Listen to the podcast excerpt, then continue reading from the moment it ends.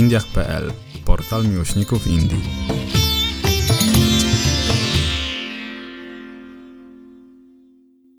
Zapiski na kolanie. Odcinek szósty. Musury, królowa wzgórz. Niektóre rzeczy pamiętasz przez całe życie. Lecz niektóre po pewnym czasie tracą wyrazistą formę i przychodzą w ledwie widoczny cień. Niby pamiętasz, że coś się wydarzyło, masz nawet zdjęcie albo inną pamiątkę. Ale szczegóły są wygładzone przez czas, jaki upłynął. Próbuję sobie teraz przypomnieć kolejne dni swojej podróży i do głowy przychodzi obrazy pieszystej drogi albo kanion, a może jezioro z łazurową taflą wody i kręte ścieżki wspinające się ku górze. A może to wcale się nie wydarzyło właśnie wtedy? Może to jest jakiś inny odcinek naszej wędrówki? Nie pamiętam już. I nagle wśród tych mglistych wspomnień jedno się wyraźnie wyostrza. Do obrazów dochodzą emocje. Jeszcze raz przeżywam ten moment. Himalaje. Zaparło mi wtedy dech w piersiach. Razem z niekończącym się śniegiem i wrogim lodem, góry te były owiane magią, tajemnicą i jeszcze czymś niewytłumaczalnym, co zaszeptało mi do ucha. Tu na ciebie czeka prawdziwa przygoda. Siedziałam u podnóża tych majestatycznych gór, drżąc z zimna i wzruszenia, ledwo zdolna do wydobycia dźwięku. Ale próbowałam złapać chwilę, uchwycić każdy szczegół, mocno trzymać swoje pamięcie, żebym za jakiś czas mogła powrócić do tego momentu, kiedy to po raz pierwszy ujrzałam Himalaje. Maj 2015 roku.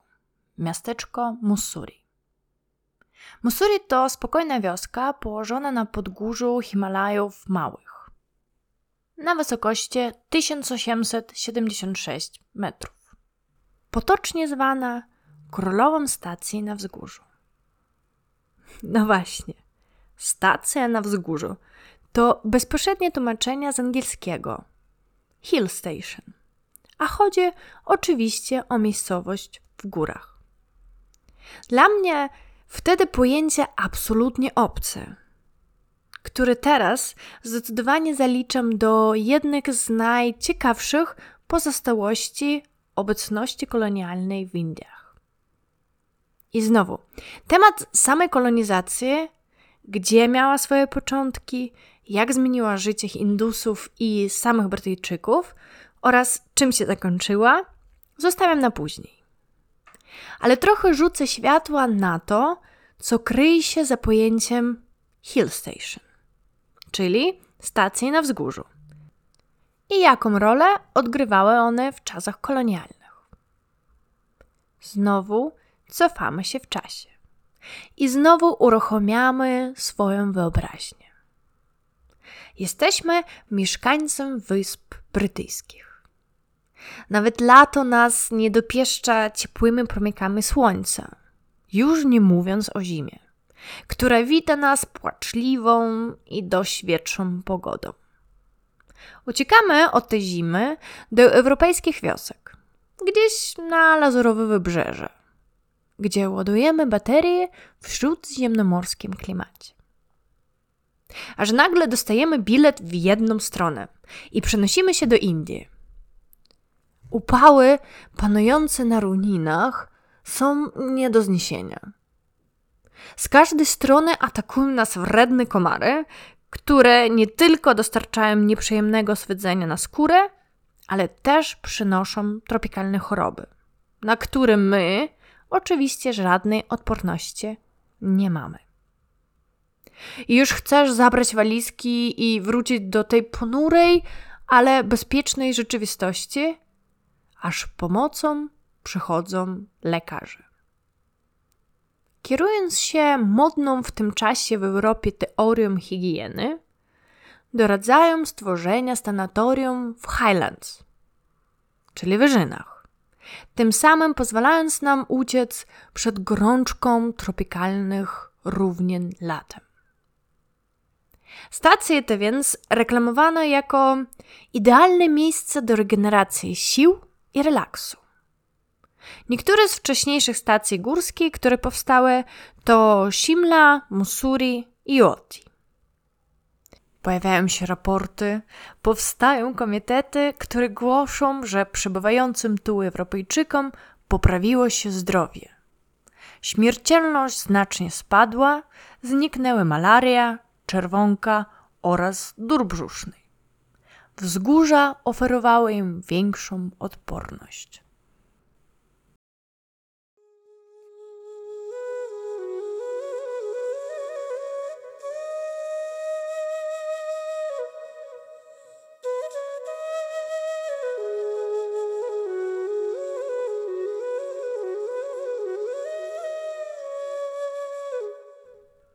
W taki sposób mamy rozwiązaną pierwszą zagadkę.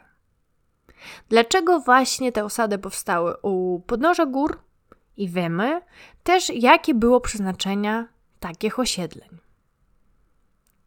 Ale w mojej głowie tkwiło drugie pytanie.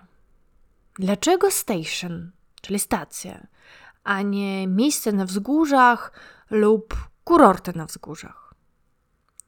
Tu prostej odpowiedzi nie ma, ale można trochę pospekulować, że określenie stacja górska zaczęło dominować po pojawieniu się kolei w Wielkiej Brytanii.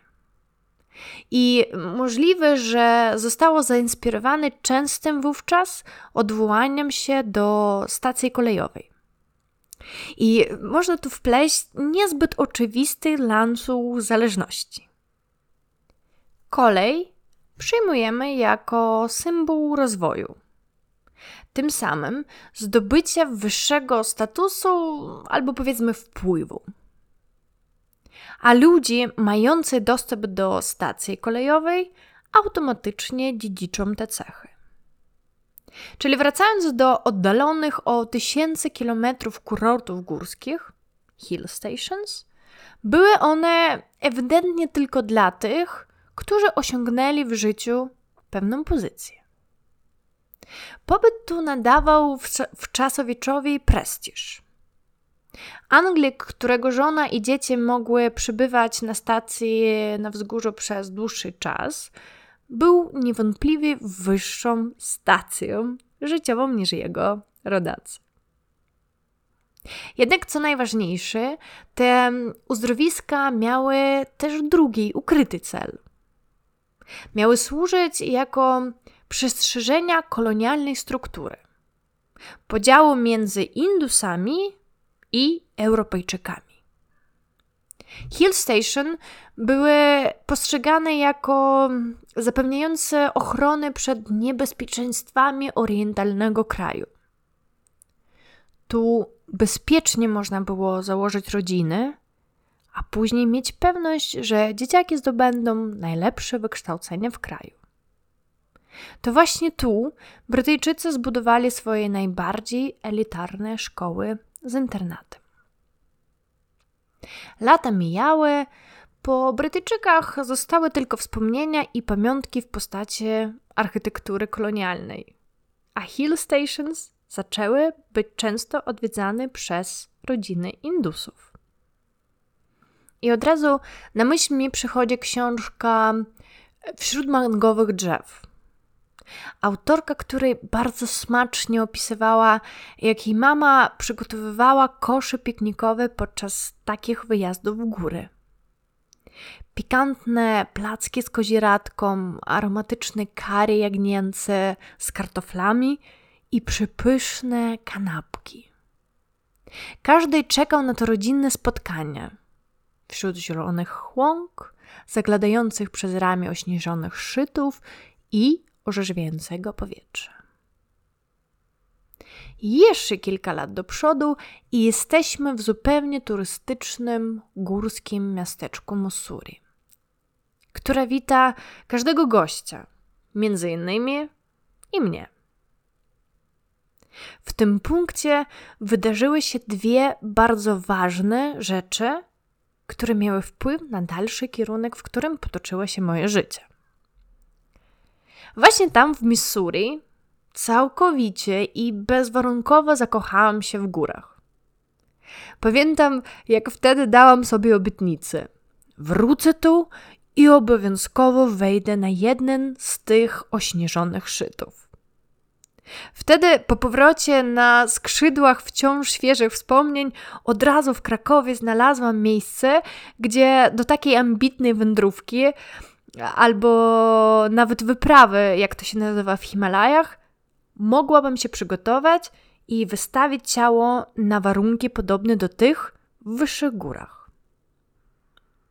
Jeden z lokalnych klubów wysokogórskich oferował szkolenia w namiocie wysokościowym. Szelnym namiocie służącym do symulowania rzeczego powietrza z obniżonym poziomem tlenu. Razem z doświadczonymi wspinaczami miałam przygotować szczegółowy plan. Nawet z dumą zakreśliłam w kalendarzu czerwiec przyszłego roku jako datę podbicia celu. Ale plan to tylko plan, a rzeczywistość to rzeczywistość. Często ustawia własne zasady. Bardzo szybko wpadłam w normalne życie. Obowiązki, praca, dom, dom, praca, obowiązki piękno dorosłości. Moje marzenia zostały umieszczone w dużej, ukrytej szufladzie z napisem do zrobienia kiedyś. Ale nie musiałam długo czekać. Mój wewnętrzny odkrywca wkrótce przejął kontrolę i małą torbę laptopową zamieniłam na duży plecak a niewygodny fotel biurowy na jeszcze mniej wygodne siedzenia w malutkich autobusach Ameryki Południowej, Indii i południowo-wschodniej Azji. W końcu znalazłam czas na przygotowania do wejścia prawie że w chmury, na kilkutysięczne szczyty. A góry na zawsze zajęły ważne miejsce w moim życiu. Drugi cud, który wystąpił w Missouri, to było moje przełamanie się na uliczne jedzenie. I może na pierwszy rzut oka ranga tego wydarzenia jest mniejsza niż rzucenia pracy, wyruszenia w długotrwającą podróż oraz zamiana kanapy na wygodną karimatę do biwaku w przyrodzie. To dla mnie ma znaczenie olbrzymie. Ale znowu, po kolei. Wyruszając do Indii, oczywiście zrobiłam małe sprawdzenia terenu i zapytałam osoby, które już ten kraj odwiedziły, jak było. Były wśród nich osoby, które Indie zachwalały. Były też i tacy, którzy mówili I never do it again, czyli akronim India. Ale niezależnie od grupy i źródła, Wszyscy twierdzili jednym głosem. Jedzenia potraw na ulicy jest skrajnie niebezpieczny i najlepiej wziąć ze sobą kilkadziesiąt opakowań konserw z Polski, żeby móc oddać się zwiedzaniu pięknych świątyń, fortów i innego dziedzictwa kulturalnego. A picie wody na miejscu to prawie jak rosyjska ruletka – Nigdy nie wiesz, kiedy cię dopadnie, a jak dopadnie, to ciężko będzie ujść z życiem. Na liście porad, co trzeba obowiązkowo wziąć ze sobą do Indii, znalazły się nawet okulary do pływania, które trzeba było założyć podczas brania prysznicu, żeby do zakażenia nie doszło przez gałkę oczną. Po prostu strach się bać. Ciekawe jest to, że porady albo stereotypy zakorzeniają się w naszych głowach i bardzo często są powodem do naszej odmowy od podróży. Tym samym nie dając nam możliwości zdobycia naszego własnego doświadczenia, bo według mnie każda podróż jest doświadczeniem. A jak każde doświadczenie jest bardzo indywidualne. i zależy od mnóstwa składników. Nasza otwartość na inny świat, aktualna sytuacja w miejscu, do, którym, do którego podróżujemy, pogoda, dzień tygodnia, a nawet nasz humor spowoduje, że przyciągniemy taką czy inną sytuację. Dlatego zbieranie informacji o podróży jest ważne. Ale warto też zweryfikować pewne stereotypy na własnej skórze. Oczywiście w ramach zdrowego rozsądku, weryfikując stopień potencjalnego ryzyka. Ale wracając do sedna. Jestem na głównej ulicy Missouri.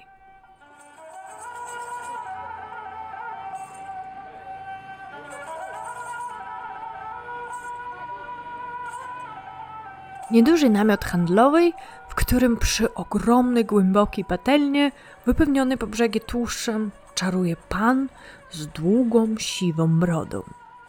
Zanurza w kipiącym tłuszczu dużą, dziurawą łyżkę i jak doświadczony wędkarz wyciąga świeżo wypieczone, złociste trójkąciki.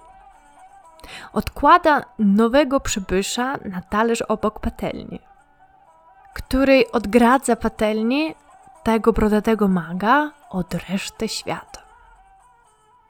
Co to jest? Pytam. Samosa, odpowiada. A co jest w środku? Ziemniaki.